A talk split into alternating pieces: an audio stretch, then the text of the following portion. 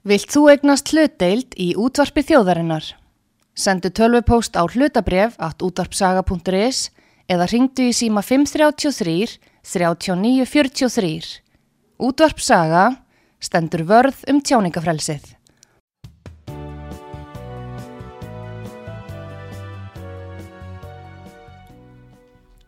Góðan og blessaðan daginn. Valgerður Snæland Jónsdóttir heiti ég og ég er hér mætt aftur í mentaspjallið, skólaspjallið eða hvað sem við viljum kalla það á útvarpisögu. Og mættur er hér með mér í hljóðver Jón Pétur Símsen, aðstofaskólastjóri Réttarhólskóla. Velkomin Jón Pétur. Takk. Og þakka þér fyrir að taka svona vel í að koma hinga með svona stuttum fyrirvara og svona rétt fyrir jólinu svona. Ég held þetta sé bara smá uppbót á þessa viku.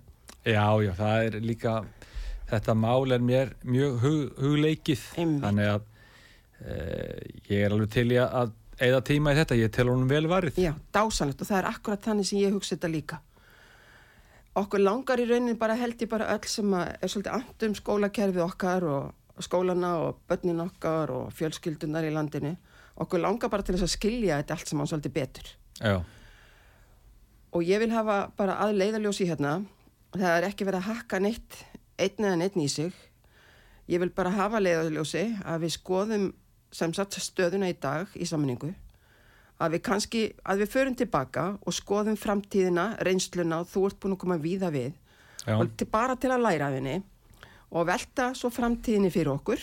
Hvað viljum við sjá gerast og hvers vegna?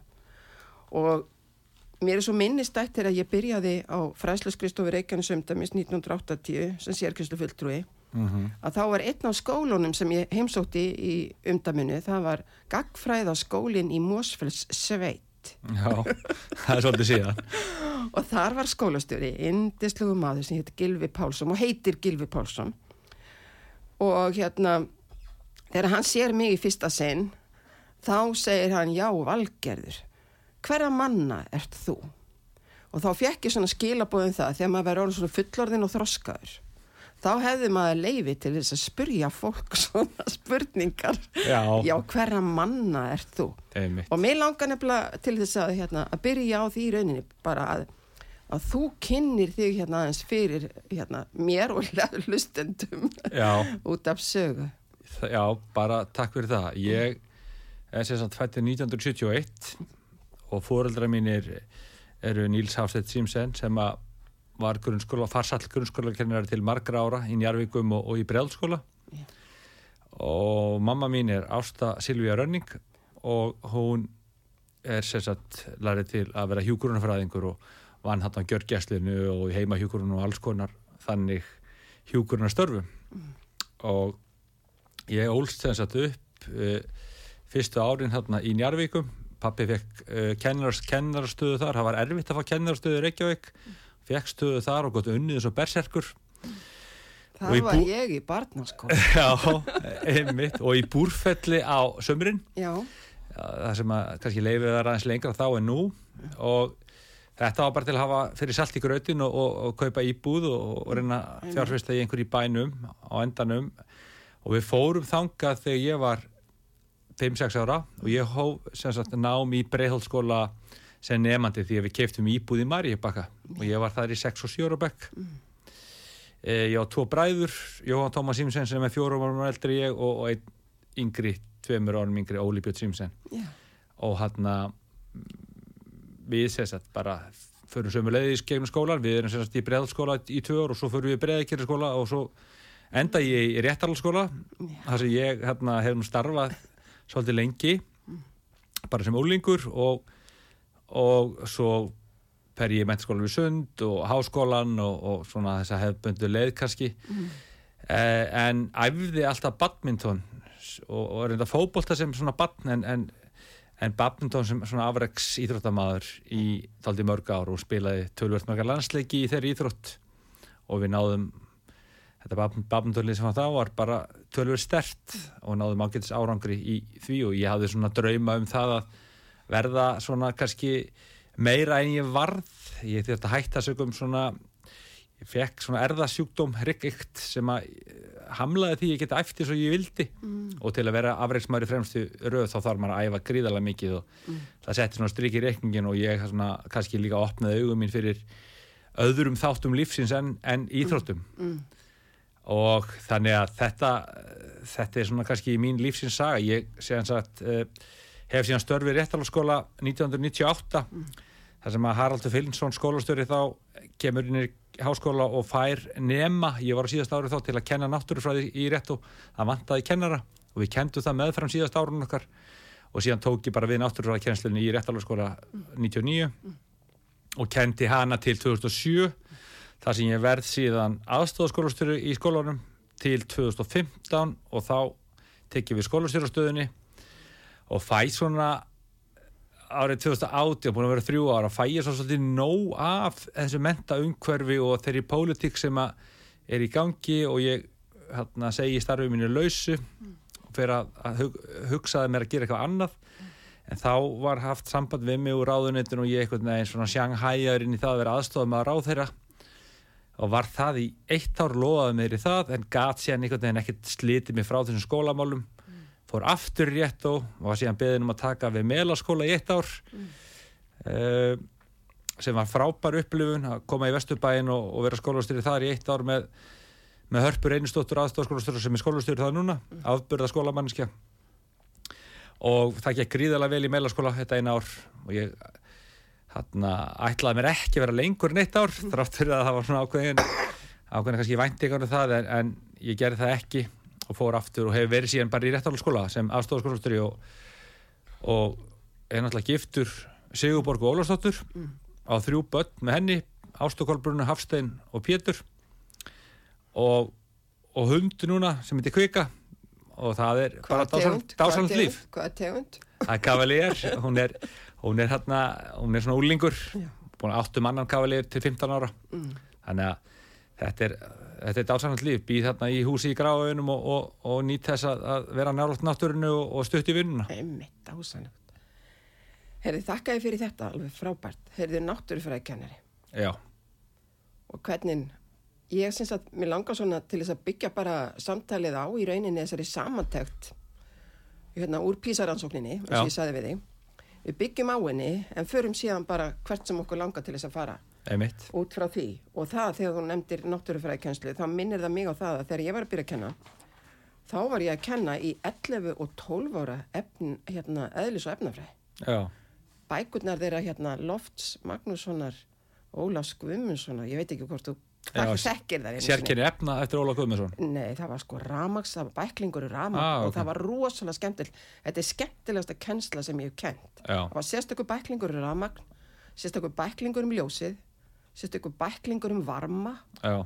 sérstaklega bæklingur um mælingar mm -hmm. og sérstaklega bæklingur um uh, hreyfingu Já. og svo framins, maður stættur þessu eitthvað Þetta er litli þunni bæklingar Þetta er sko í sérkynni efna kendi ég lengi vel í 8. bekk að því réttarskóli er unlingaskóli hann er 8. 9. og 10. bekk hún var svona grunnurinn að eðlis og efnafræði hjá mér í 8. bekk og svo kom nýr bókaflokku með námskarunni 99 inn sem að dekkaði námsefnið ansi vel já, já.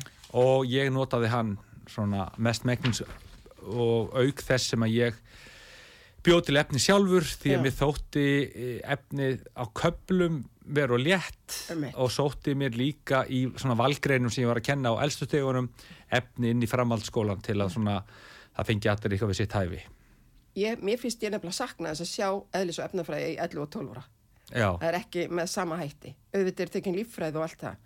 En það er bara annar mál. En hér kemur sem sagt ein af niðurstofunum úr Písa núna. Er læsi á náttúruvísindi dalar meira enn í öðrum löndum? Já.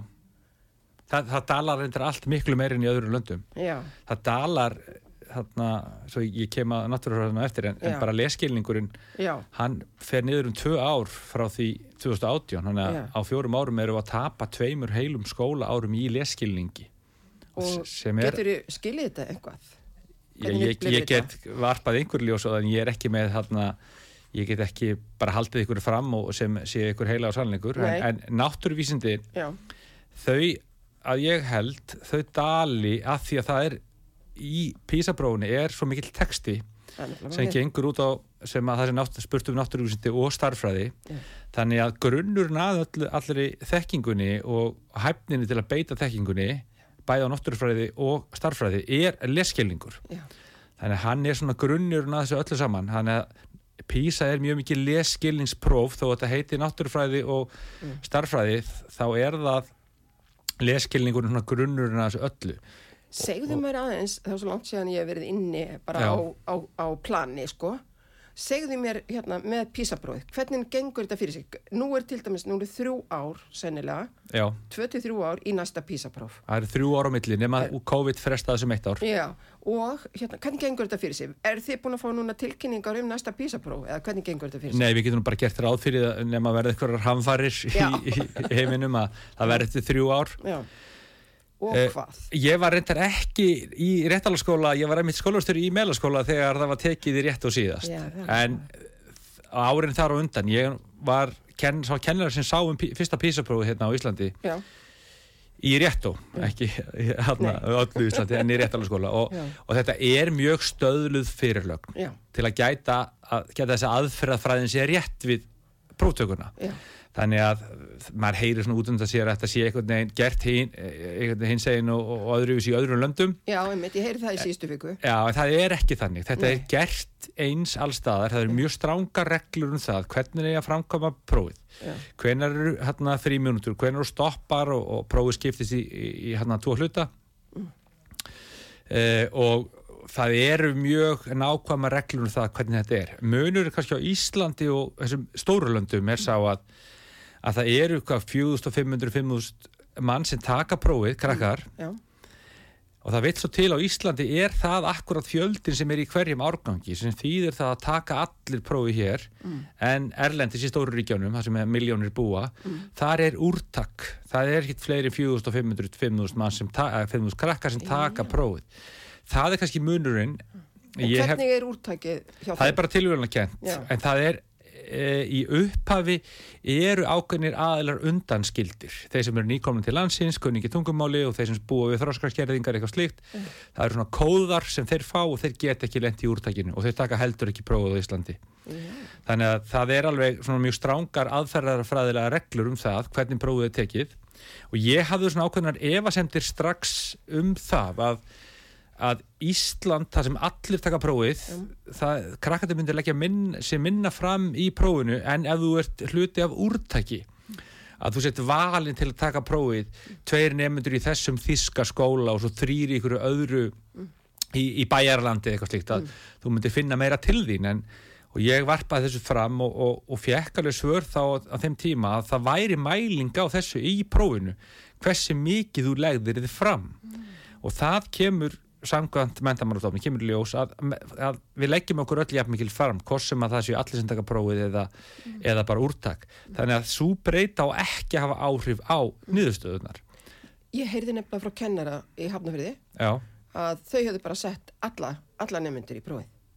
Já, annarkvort er prófið, ég veit ekki hvort hún viti hvað hún sé að tala um, eða prófið þá bara, bara rámt framkvæmt. Já, en það er alveg, sko, það er handbók sem fylgir og þeir sem písa Já. tengiliðurinn, Já. hann er í stöðugu sambandi við mentamálastofnun um Já, það hvernig já. framkvæmdar á að vera þannig að mig grunar að þetta sé svona saga sem fljúu Já, um, kannski en að ég ekki verið auka stiðast nei, einmitt, það er líka bara mjög gott að heyra þetta. Ég er búin að býða spennt eftir að fá að heyra bara frá manni á plani hvernig framkvæmdin er. já ég heyri, búin að heyra alls konar sögur og reyna að leiðrætta það Já, það er fínt. Það sem ég best veit og búin að hafa samband bæði Já. við og, og þekki mjög vel til prófsins þá er aðferðafræðin sem er beitt að hún er hérna rétt og hún er áraðanleg og réttmætt. Já, einmitt. Er eitthvað meira að segja svona við okkur sem ekki vitum um framkvæmdina? Ég, ég framkvæmdin er bara þess eðlis að, að þarna, ég myndi e, að því að þetta próf er mjög gott Mm. það mæli svona raunverulega hæfni til að bjarga sér í samfélaginu að skilja texta sem að byrtast hér og þar greint rétt frá raungu skoðunum frá staðinendum kjarnan frá hismanu, hisminu og í allir þessu upplýsinga óreiðu sem að er í gangi í dag það er alls konar sterk öll sem er að óta sínum tóttorinn að fá þau til að kaupa vörur, kjósa þetta, gera hitt. Þá hefur þetta próf kannski aldrei haft meiri tilgang en akkurat núna. Nefnilega. og það sem mér hefur fundist skólasamfélagi svolítið tala þetta próf einmitt. Og ég ætla ekki að alhafa um þessi allir en maður heyrir við að krakkar hafa ekki lagt sér fram og, og kennurum finnist þetta skipta engum máli og, og að það sé bara að tala um þetta sé bara einhver afplánun að taka þetta. Þetta finnst mér algjörlega raung nálgun. Við ættum að tala þetta upp að þetta sé góðu mælikvarði fyrir Ísland. Við ættum að gera Ísland sko stolt mm. fóreldra okkar og okkur öll sjálf að því að, að ganga vel á þessu próf og leggja okkur fram virkilega vel, en það er reynda að segja skrakkarnir leggja sér fram í spurningum í prófunu en, en hvort að þau gerir það raunverulega veit maður bara, getur ekki komið stað en ég myndi allavega að byðla til skólafólks að í næstu písakonun sem er til þrjú ár, eða tvö ár núna þetta var 2022 mm að það verði gert svolítið mikið úr þessu, mm. það verði flottur morgumatur fyrir, mm. fyrir prófið, mm. það verði tala við þau farið inn í stofur áður en prófið tekið og sínt svona sínidæmi mm. hverju þau að vona á mm. Og talað um þetta sko að við séum öll saman í liði og við þurfum að gera þetta vel, við höfum ekki bara með hangandi hendi, við séum eitthvað dæmi sem er þungt, mm. erfitt að, að maður þarf að brjóta heilan um það, leggja á sig, að maður bara skauti gifir það og giski bara á eitthvað svar þetta held ég allt geti bara hjálpað krökkum til að sína enn meira hvað í þeim býr mm. ég veit ekki hvort þetta hafi haft áhrif á niðurstöðuna að, að einhver fjöldi skólafólks uh, tali þetta niður eða leggja ekki áherslu á þetta. Ég mm. hef enga fósund til að meta það. En maður heyrir þetta, þetta er talað um í fjölumlunum og frá fóröldurum að, að börnin hafi bara einhvern veginn litið á þetta sem einhvers konar mm. afplánun eða eitthvað sem að skipti engu máli, mm. en þetta skipti gríðalegu máli, bara, ég get bara sagt það. Að allt því að gjaldarisjóðunum til dæmis Já. hann metur Ísland út frá ákveðinu mælikvörðum hvaða vaksta kjör Ísland fær. Og eitt af því er mentunastig þjóðurinnar og mentun þjóðurinnar og þar er písaransóknin eini, sam, eini samrændi mælikvörðin sem það geta nýtt, þannig að því verð sem við komum að písa, því verði kjör fáu við á á fjármálamörkuðum, þetta tengir speint inn í það. Það er nefnilega það. Og það er þetta, þetta, skiptir náttúrulega ekki öllu máli, bara, en, en þetta er samt, þetta, bara, er, þetta er hluti af, af öllu heildasamenginu mm. Og það skiptir bara máli að öll verk sem við tökum okkur fyrir hendur, mm. hvort sem þau eru leiðilega eða skemmtilega, við leggjum okkur fram. Mm. Við höfum að leggja okkur fram í það sem við tökum okkur fyrir hendur og sína þraut sig, mm. en ekki bara sko, betur, hvað græði ég akkurat núna eftir 5 sekundur á þessu mm. ef ég græði ekki neitt þá ætlum ég bara ekki að taka þátt eða að gera það illa mm.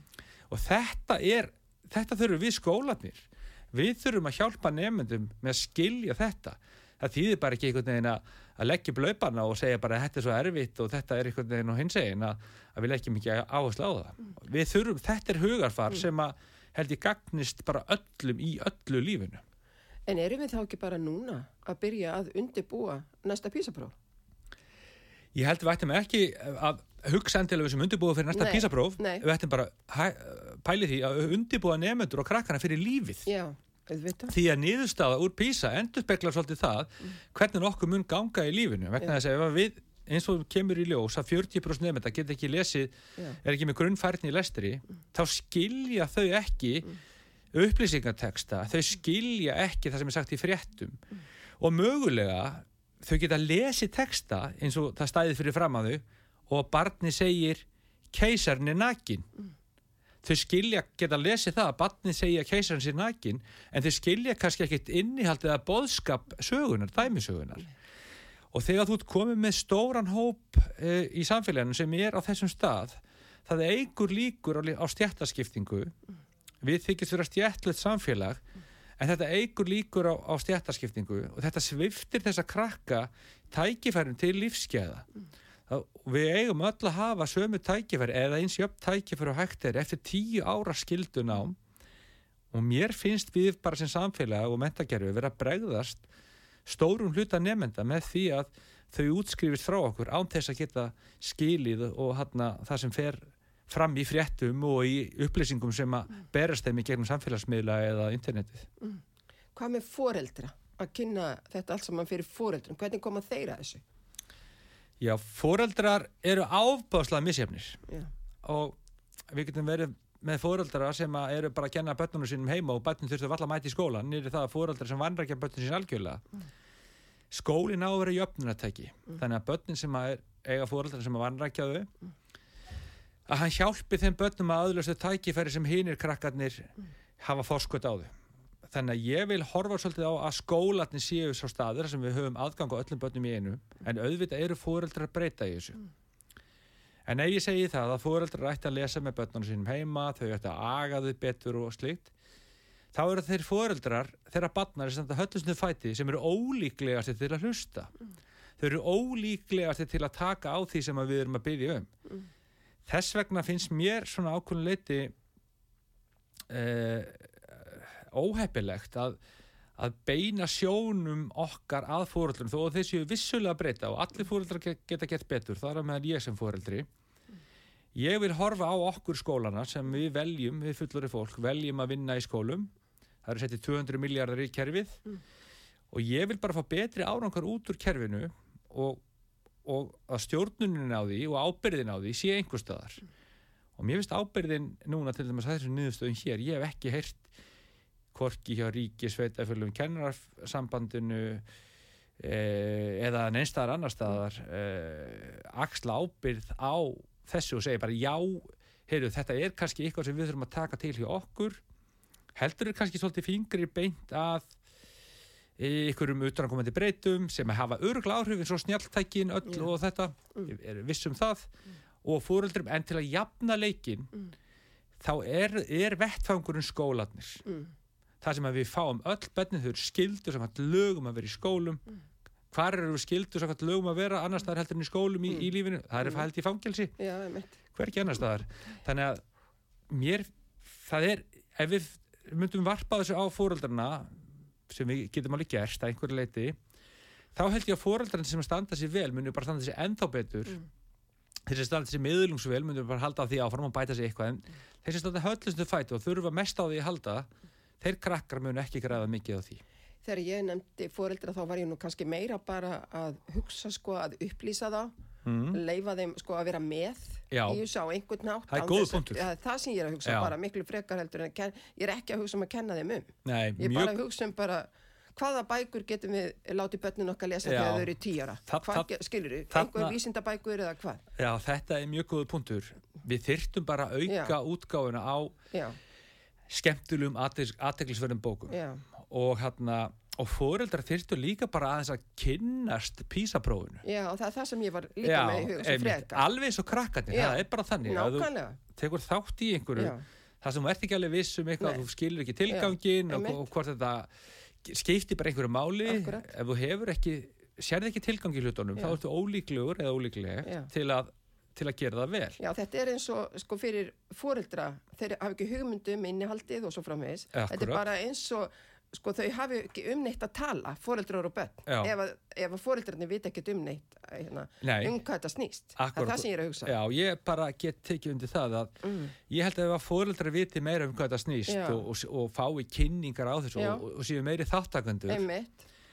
bæði ekki bara gennum fundi og beint sko tölvupóst og annars líkt og þeir séu svona innvinklaðir og gerðir svona ég vil ekki segja sam ábyrgir beint en þeir bera samt auðvitað ábyrð á námi batna sinna Já. einhverju liti Já. uh, en að fá þá sem allra allra mest inn eins og hægt er því betur munu krakka til standa sig. Ef að fóreldra sína námi barnana sína áhuga alveg svo þau sína hérna, íþróttum barnana sína áhuga þá mun bara námið hérna, verða betra Þegar, allt sem við fáum aðtekl út á og við erum styrt svona jákvað með að börnin fá bara hrós á fóreldra sínum eins og í skólanum ofbúslega gaman að sjá þú tekur upp bækurnar og fer bara að lesa þessar hérna, bók sjálf eða sjálfur. Já. ég þarf ekki að íta eftir þér þú bara gerir þetta sjálf. Þá er mjög lítill að batni bara gerir það áfram og svo er þetta velunaði óreglulega með því að kannski að fara í bíó með þeim og bara þið eru búin að standa ykkur svo vel. Þetta er svo skemmtilegt að sjá hvernig þetta er og spurja það síðan útur lesa sömu bækur á börnin og skoða Einmitt. orðin sem eru þar já, og spurja, já, veist þú núna hvað uh, uh, kerskni þýðis já. sem er þá akkúrat. grín eða eitthvað slíkt. Þessi orð og svo helst að lesa bækur sem eru skrifuð af e, fólki sem er gott að skrifa texta með fjölbreyttan orðaforða.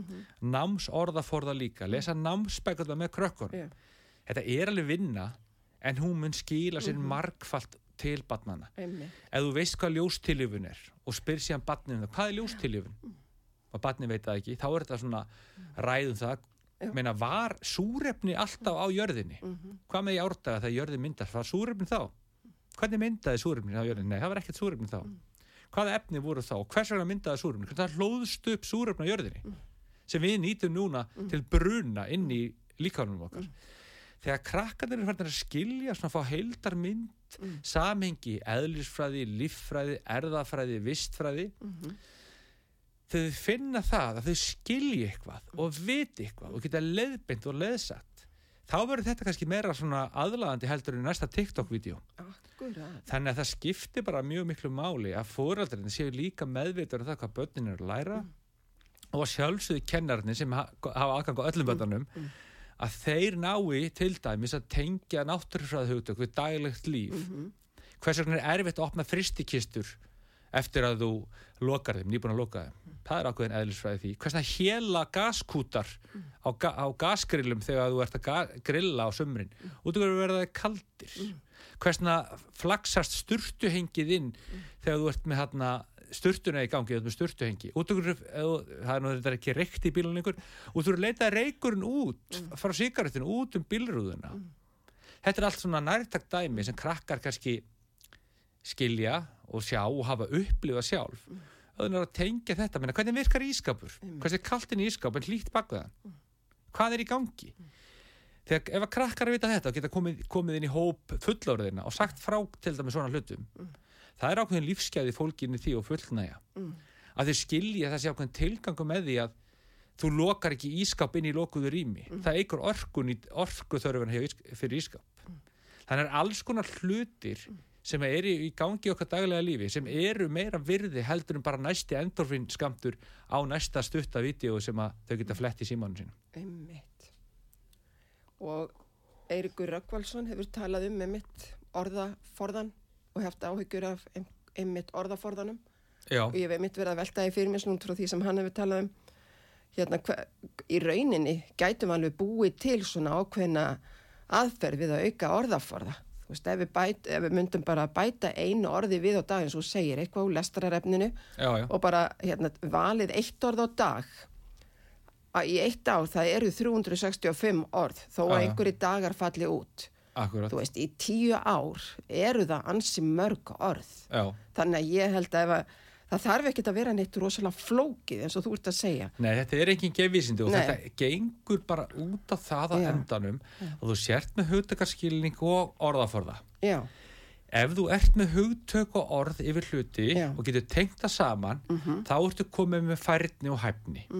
Ég get talað svona svolítið reyðbrendu skólamál Mhm. því ég þekki það sem að er talað um í skólamálum. Ég get talað um námskrána um líkilhæfni, hæfni viðmið og matsviðmið. Já. þegar ef að fólk veit ekki hvað ég er að tala um þá Nei. getum við ekki átt samtali saman. Einmitt. Þannig að krakkar til að ná árangri í lífinu þá þurfa þau að skilja 98% þess sem skrifað eða sagt er. Ef það eru of mörg orð í texta eða máli sem þau skilja ekki þá náðu ekki innihaldi þess sem að vera að tala um eða skrifa og þá missa þau líka bara áhugan á því já, og, og, og þau tak ekki eftir. Það byrjað að bladur um eitthvað stjórnmálulegt eða orkufræðilegt og þá bara, þá bara svíðaðu út. Og þau muni ekki geta myndað sér viðþorf eða skoðanir nema hafa þennan orðaforða. Og þessi orðaforði hann er að það bara kvarnast all hressilugu ár, úr honum bara frá því að fyrsta písaprófi var tekið. Og það og viðbröðin við því hafa ekki verið mikil eða nánast engin við erum hér að ræða hérna mentamálin ég og Jón Pétur Símsen nú er komið að auglýsingum og við gerum smá hlið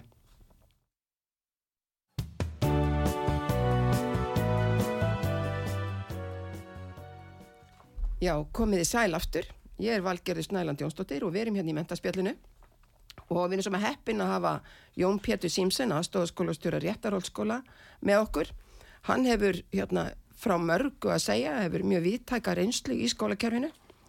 Heyrðu, þú nefndir aðeins eitt sem að, hérna, eitt af mörgu, Já, að það er hérna með námskrána. Segðu mér, ég verið að velta svo mikið fyrir mér í, samt við PISA. Það er Já. einhver 80 lönd sem er að taka þátt í þessu. mhm Er, er aðal námskrá í öllum þessum löndum og er hún eins?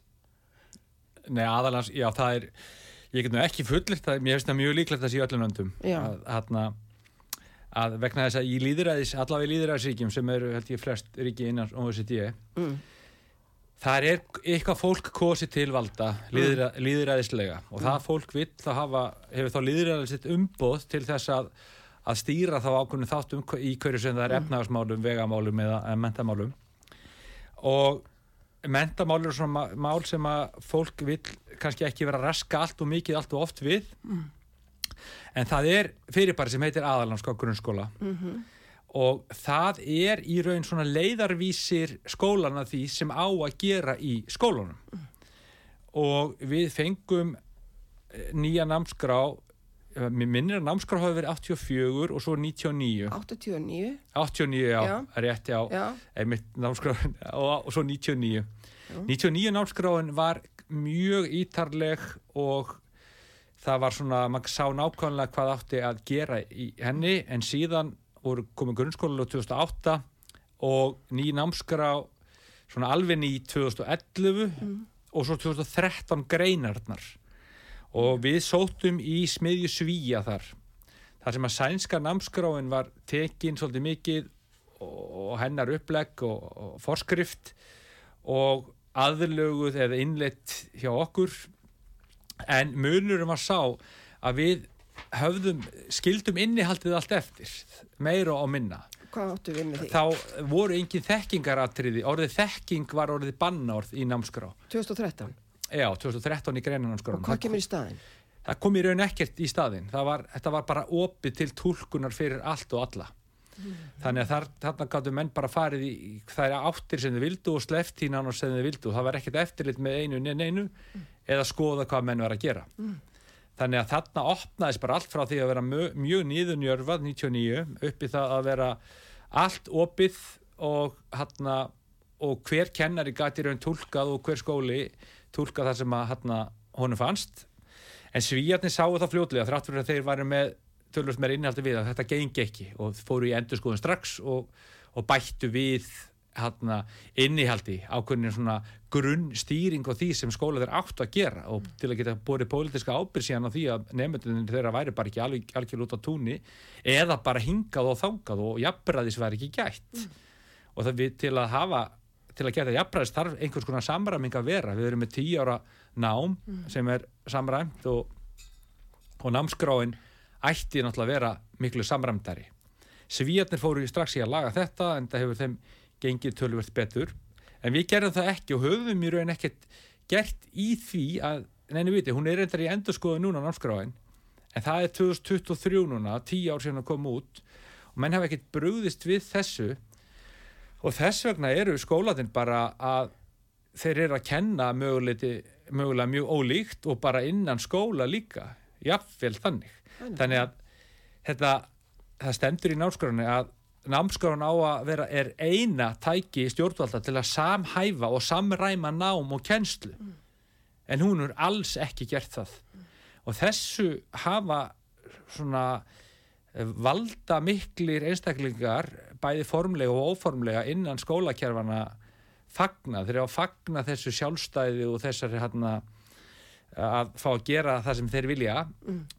Og ég geta ákveðin leiti skilið það en, en þegar hérna við maður horfið svona bara djúft í það hvar við erum stödd í þessum málum og ég var þetta jafnbræði nefnda þá finnst mér að pólitíki verða að bera miklu meiri ábyrð á þessu og, og stýra því meira umgjörðinni, ekki því hvernig fólk er að kenna Nei, nei. en það, því sem kent er þannig að við getum tryggt það að nefndur öðlist ákveðna grunnfærni bara til að geta uppfyllt grunnskóla lög og í markmiðagrein þeirra segir að, að við eigum að útskrifa nefndur úr tíundabekk þannig að þau geti starfað og lifað í síbreytulegu líðræðis þjóðfélagi. Og ef að 40% nefnda geti ekki lesið sér til gags hafa ekki grunnfærni lestri þá munum þau ekki geta starfað og lifað í síbreytilegu líðræðis þjóðfélagi og þá erum við raun bara að brjóta grunnskólalög og brjóta á þessum börnum. Þannig að það vantar alla samræmingu í, inn í þessa námskrá og einhvers konar eftirfylgd og eftirlít og það var gerð könnun hérna 2018-19 af auður áðunitisins hvernig innleiðing námskrár hefði gengið. Og 0% fóreldra sáðu það hún hefði gengið vel. 0% nefnda 0% kennara og 0% skólastjórnenda. Hvenar? þetta var könnur sem var gert 2018-19 á vögu ráðunættisins uh, uh, aðferðafræðilega rétt könnun. Þannig að en það var síðan ekkert mikið unnið úr því varðandi það eins og bara skólamál eru almennt, það er mjög að þið séu með þátt hér um mentamál því að þau eru ekkert voða sexy sko. Og núna er líklega eldgósi í, í Grindavík og ég sendi mínar bestu kvöðu til Grindvíkinga að Einmitt. það dekkar, dekkar líklega meir hluta fréttum og, og mögulega gleymist bara þessi, fjör, þessi 40% eins og fólki í Ukrænu þegar mm. palestínustriði fór í gang. Og það sem að mér finnst núna svona aðtiklisvert við að lesa þarna niðurstöðnar er sem sagt fyrir, já í síðustu könnun, Já, 2018 þá voru margir að tala um sem sagt hlutfall drengja Já, versus hlutfall stúlkna. Og mér fannst alveg tínast í þeirri umræðu sem sagt að það voru líka næstum því 20% stúlkna Já, sem átti erfileikum þá. Einmitt. Og núna hefur það hlutfall hækkað. Já, ég, þarna er ég sammálaður, mér Já. finnst þessi flokkun óþórandi Já, alveg. það, það, þetta skiptir ekkit máli hvort þessi drengur er að stúlka, þú stúlkar sem getur ekki lesið til gags, eða bara að þau eru færri Já. það hjálpa þér ekki neitt. Þannig að í raun, vissulega má kannski horfa á það að drengirnir eru útsettari, greinilega, það er 50% þeirra tæplega sem getur ekki lesið til gags anna hver drengur? Þannig að það má einhverju leiti horfa á, hana, Já, já. á það. En almennt séð finnst mér þessi flokkun fólks í einhverja hópa Mm. og, og, og segja að þessi flokkur sé, hópur sé svona og hins einn finnst mér ekki í málunum til framdráttar. Það er bara það, þeir krakkar sem get ekki lesið til gags þeir eru bara á þeim stað sem er ekki góðu staður. En segðu mér, ef við hugsum um hérna, þú segir að þekkingar atriðin eru farin út, hvað er þá eftir í námskrani? Er þetta þá bara allt saman hæfnimörk með það? Hva, Já, er það, það eru hæfni viðmið, þetta heitir Já. hæfni viðmið og svo eru matsviðmið Já. til að meta þau. Og matsviðmið er, er þannig að þú getur lesið mjög vel eða þú getur lesið vel eða þú getur lesið hæfilega vel. Þetta er einhvern veginn svona, þau eru svona stigvaksandi með svona einhverjum orðum sem hver og eitt getur eiginlega tólkað á sinn hátt. Meina, er ég að tala gott mál núna eða frábært mál eða er ég að tala lélegt mál? Meina, fólk getur bara haft skoðun á því, sem er að hlusta hvernig mál ég tala. Og ef allir myndi gefa mér engun þá væri örugglega engunarskalinn frá því að ég tala ekki gott mál upp í það að ég tala mjög gott mál. Þannig að matið úr á námskráni á námi barnana er og endurgjöfun til kennarna er mjög lítil. Það er ekkert samræmt námsmat núna. Já, samræmt lokamat, mér minnir að það hafi verið 2009 sem þi- því hafi verið hætt. Mm, og það komu samræmt könnunarprófi í nýjöndabekki staðinn. Mm. þau voru við, allavega upp í skóla með mér, nýttum þau alveg mjög mikið. Fórum yfir nákvæmlega hvaða þættir það voru sem, krakk, það sem skórin krefti og, og töluðum við kennarana við gáttum borið saman kennarar sem voru að kenna sambarni um nefndahópum, það kom misjafn árangur út og við reyndum að grafast fyrir það hvar það væri, hvernig við getum stoppað upp í þau gutt en þau prófur líka tekin út. Og hérna af mjög, veikum ástæðum að mínu mati. Og það er senast í raun er mat á skólastarfi svona árangri í skólastarfi afar lítið í dag. Og eftirfylgt sveitafélagana og ríkisins með skólunum allavega í, á, á borði er áfbóðslega lítið. Menna skólar geta bara mallað áfram í einhverjum gýr án þess að sína árangur og, og, hana, og ég verði allavega ekki var við það. Og líka skóla, skólum getur gengið mjög mjög vel og ég verði ekki var við það að sveitafélagin ræði það með einum hætti eða lifti því upp þar sem árangur næst eða þá reyna að bæta það sem árangur er ekki. En þetta er skólapólitík, hvaðan kemur þetta? Ég, þetta er skólaból, þetta er bara búið held ég að vera við líði bara frá því að grunnskólandi fóru til sveitafélagana þá, þá komst ákveði fólk til valda bæði formlega og óformlega og þetta er svona mál þar sem að kannski pólitíkin er veik fyrir. Þeir eiga erfitt með að setja sig inn í þetta. Það er auðvelt að kaffæra pólitíkusa í einhvers konar mentatali. Og það eru alls konar sveiflur í þessu. Þetta er ekki svona grjóthörð vísindi. Þetta er ekki svo 2 plus 2 þú getur verið með alls konar kenningar og rannsóknir á hinu og þessu í, hérna, í mentamálum og komist að eitthvað niðurstöðum. Og núna hefur bara á Íslandi við hefum bara fyllt svona ákveðin, skólapólitík í 20 og eitthvað ár og þetta er niðurstaðan 40% get ekki lesið til gags eh, þetta gerist líka hérna, með námskrárbreytingun okkur og svíja það varð svona sveifla innan OECD-ríkjana yfir í þessa hæfni miðun og hæfni er alveg mjög gott hugtak en það gleym, má ekki gleyma þekkingunni. Að þú hefur enga þekking, hæfni nema að hafa þekkingu þú getur ekki talað um fluguveiði nema að vita hvað, hvað flugulínu þú ætti að nota eða flugustöng. Þú getur ekki talað um prjónaskap nema að vita um það hvernig, hvort þú sést að prjóna með hvers konar gatni eða prjónum. Þú getur bara ekki talað um einasta hlut nema að hafa orðin og hugtökin fyrir það sem er þá þekkingin. Og þegar hún er einhvern veginn orðin aukatriði sem og kennarin honum hefur svolítið verið ítt til hliðar og tæknina bara taka við meira og meina öllu krakkarnir eiga bara að læra sjálf einhvern veginn uppgöt al hlutina sjálf þetta er ekki svona hægt í háskóla hvernig í óskupunum ætti þetta að vera hægt í grunnskóla mm. þetta vil ég kalla umbúðanám mm. það sem að e, þetta kemur lítur kannski mjög vel út það sem að afverðurinn sem er skilað en innihaldið er afar takmarkað og sorglegt og nefnendur sem vinna svona nám þetta skilur oft mjög lítið eftir sig og kannski skilur þetta mest eftir sig af þeim krökkun sem verður best stattir þá og þegar þannig að bíliða með þeir sem geta og geta ekki breykar og það sýnir það bara að við erum að fjölga nefnendum á fyrst og öðru hafnin þeirri bípísa og svo eru við ekki einu svona komað til móts við þá sem að standa sér vel því að við erum líka að hríðfallandi á þeir sem standa sér afburða vel.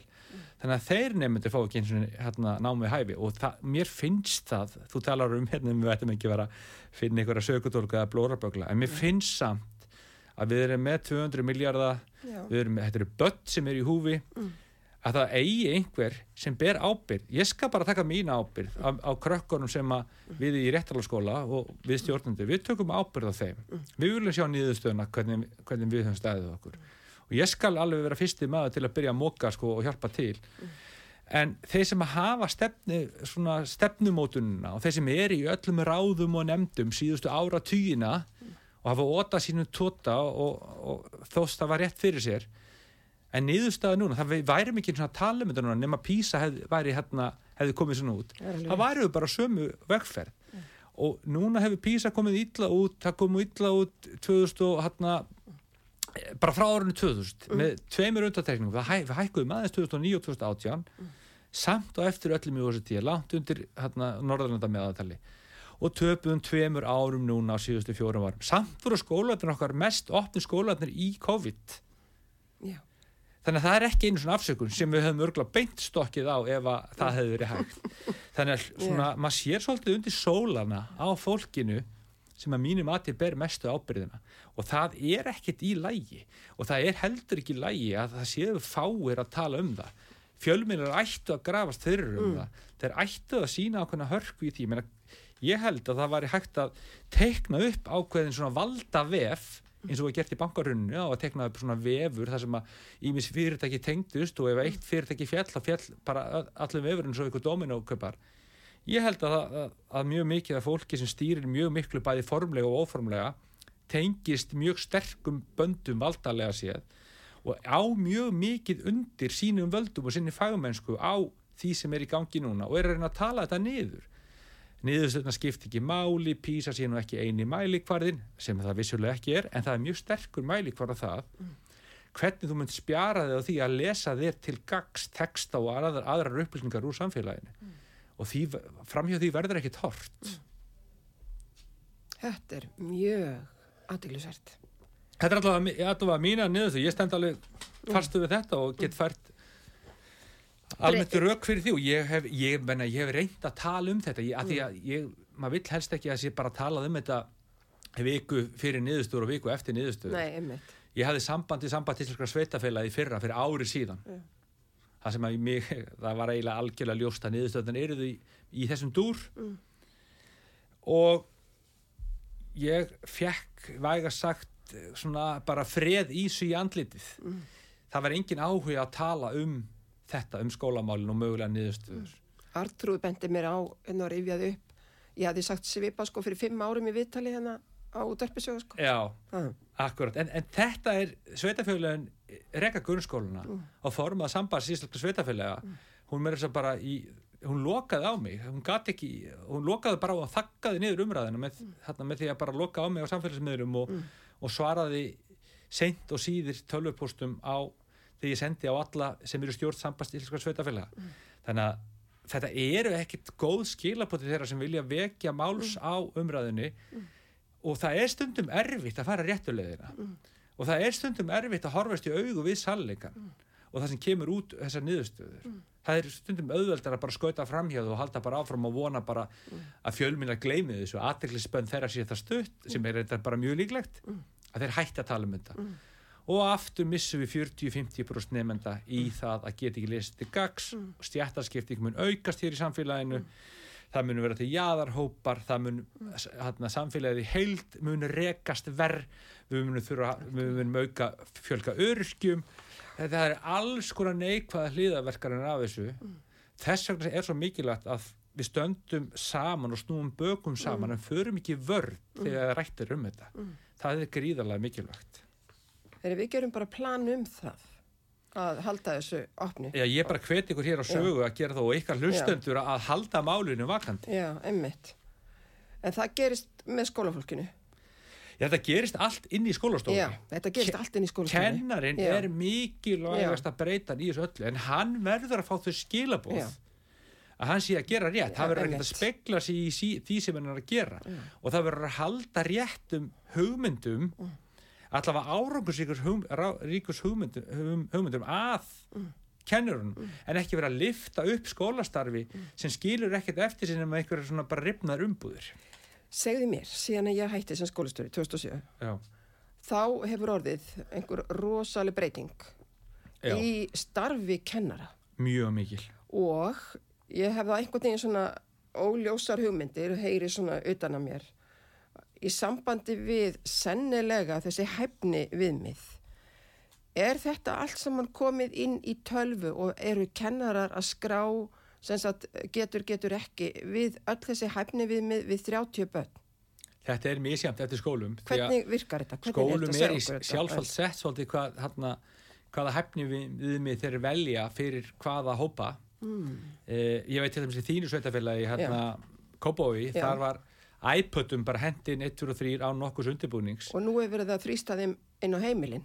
Já þeir bara fóru strax held ég inn á heimilin. Krakkarnir held ég að og fengi- fóreldrarnir vilja þau ekki inn á heimilin því þeir bera ábyrð á iPodunum. já, og en, ef eitthvað skemmist þá er það bara fjárútlát. Já, emitt en ég, hérna, og svo er það sama með Reykjavík að það eru krómbækur sem eru svona bara fartölur Já. sem eru komnar inn í alla, alla úlingadeltir og, og miðstíð og ég, mér finnst að við ættum að hugsa þetta svolítið vandlega því að, þú um leið út komið skjá á milli nefnda og kennara Já. þá verður ákveður róf já, og þetta róf, það verður það er erfitt að bæta þau upp því að kennarin, sá sem vekur áhuga nefnda með ástríð og metnað og krafti á námi já, hann kemur til með að hjálpa nefndum að lesa sér til gags það er mi- miklu ólíklara að nefndin einhvern veginn finni hjá sér kvöt sjálfur að fletta upp í einhverju þannig er bara staðan. Já. raunveruleikin sýnir okkur þetta líka.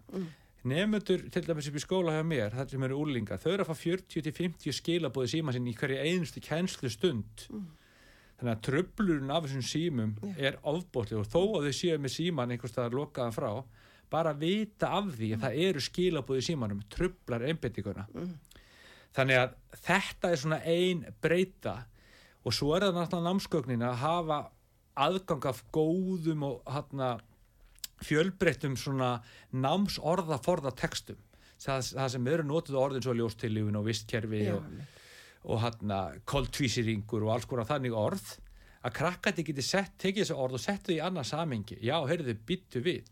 Koltvísiringur, byttu, hvað gerir hann að fyrir? hann veldur því að það vinda því eins og gróðurhús, gler utan á jörðina. Það veldur mögulega hlínun í jarðar en vaskuva hún gerir það líka. Mm. meira, með meira hún er, sérst, hefur meira áhrif heldur en koltvísiringur og hvað gerist þegar það hittnar kemur ekki þá til að gufa meira upp? Hvað þýðir það fyrir línu jarðar? Þannig að fólk getur sett þetta svona í raunverulegt samengi en ekki bara munað utabókar einhverja rómsur þá verða miklu meiri gæði í kenslin og náminu. Og það er miklu líklega að góði kennari sem að nær til krakkana og tengir þau við raunveruleikan og tengir þau námið við daglegt líf að það festist hjá þeim, þau skilji hlutina og þau tali meir um þetta, veitir meiri lífsgæð og lífsfeylingu heldur en að þau nefni þetta einhvern veginn sjálf og ge- reyni kannski að mögulega og þetta á ekki við um alla og þetta get, tölvutekning getur líka verið góða ákvöluleiti og, hana, og við nýtum okkur með mörgum hætti. En að rjúfa tengslina með kennar og nefnda það eru tengsl sem nást ekki nema með mannlegum samskiptum. Nákvæmlega. Heyrði, aðdeklisvert að búa, hérna, ég, fór, ég fer oft í skóla, ég fylgi börnum eftir sem að koma til mín. Og ég fór í saxaradeild í einu skóla á Já, og það var sem sagt bara bjart og gott úti, það voru fríminútur.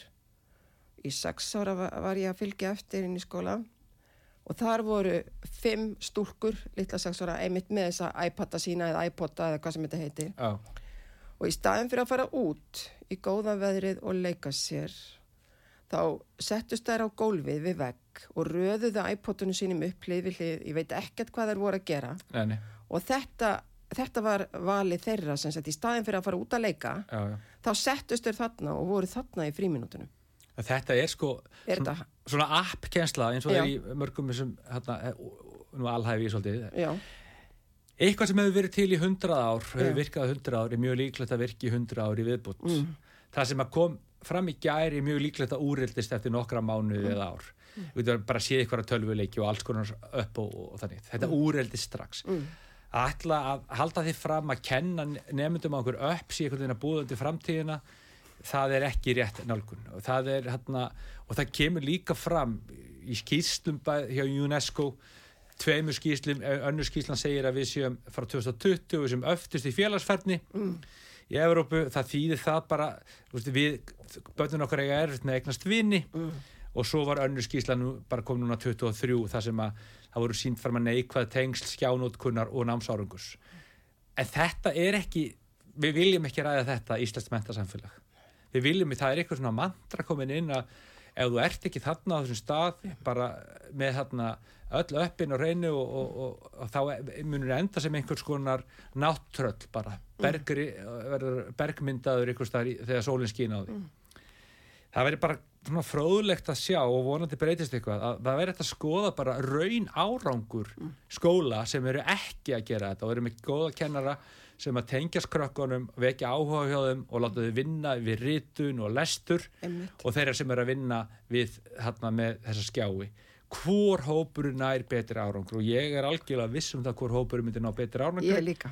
þannig að en þetta er eitthvað, við sjáum það bara hvað tæknir í sannir, Microsoft, Apple og, og Google, þetta er ríkustu fyrirtæki heimi og þau eru búin að koma þessu öllu inn í inn allstaðar og þau eru með sendiherra út í skólamentasamfélaginu þessi sendiherrar eru búin að nema hjá þeim og þeir munu tala sig rauða um það að þetta sé það besta sem hægt sé að gera og þetta er bara, mér finnst það á, vera ábyrða hluti hjá þessum einstaklingum að gera það Segðu mér, það er eitt hérna sem að kemur upp í hugan í svolítið saman. Hver hefur umsjón og eftirlit með inntaki í námsbókum? Málið er að nú eru til einhverja reglur um það að það er eitthvað kvikmynda eftirlit Já. sem að skoðar kvikmyndur og svo er sagt þessi er bönnuð fyrir 12 ára, þessi er bönnuð fyrir 16 ára, þessi er bönnuð fyrir 14 ára og svo framvegis. Er eitthvað svoleiðis eftirlit innan skólakerfinsins hér á landi? uh, gamla námskrafastofnun og svo mentamálstofnun alltaf syndi bara þessu hlutverki að gefa út námsefni það meg ekki vera auðlýsingar í námsefni frá einhverjum stórfyrirtækjum uh, en ég held að eftirliti sé það bara einhver almenn skinnsemi og, og, og ríkis bakna, ríkis fyrirtæki sem gefur þetta út ætti að hafa þá sko að nota gaggrind efni sem skiptir sem að, sem að er gott. Það er alls konar námsefni sem að er í bóði en það er kannski erfitt líka að, að búa til námsefni þegar námskráin er svona opin.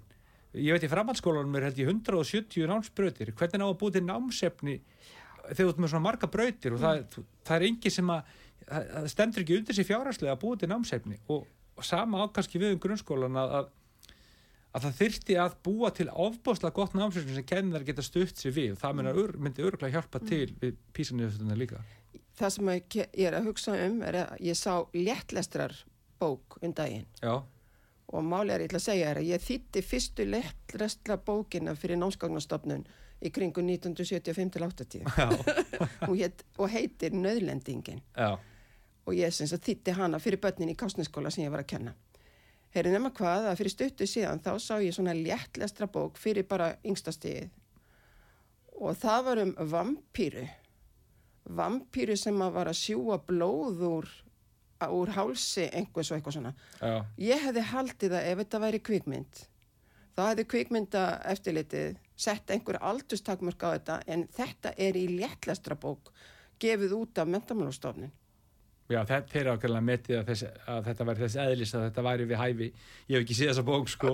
En orðið nöðlending Já, það er skemmtilegt að ég hvet bara fólk til að spyrja krakka hvað Já. það orð þýði akkurat, að því ég er ekkert vissum að það vitið allir. Ekki. um, Nei, en þú veist, ég held að allir sem eru já, þrítigur og eldri vitið það. Já, herri, mér sýnist nú, Jón Björn minn, að við séum bara rétt að byrja að íta einhverju hérna áfram. Já, jú, Hvað segir þú svona í lokin bara því tímin er að vera búinn? En við gætum tala lengi, lengi saman, ég heyri það.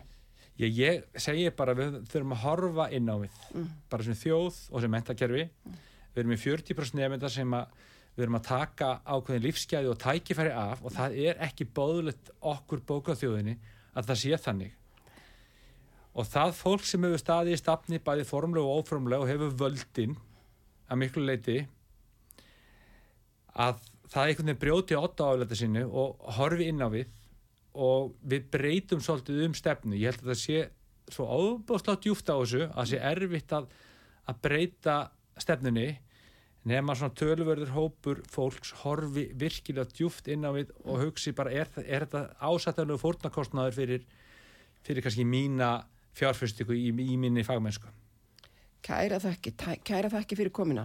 Við erum þess að hér saman að ræða mentamál og Jón Pétur Símsen, aðstofaskólastur í réttarálskóla, ég þakkar kærlega fyrir komina. Já, takk fyrir Mér að finnst bjóða ég mér bara ekki vera nærri búin Nei, að ég því. að ræða það sem við þurfum að ræða.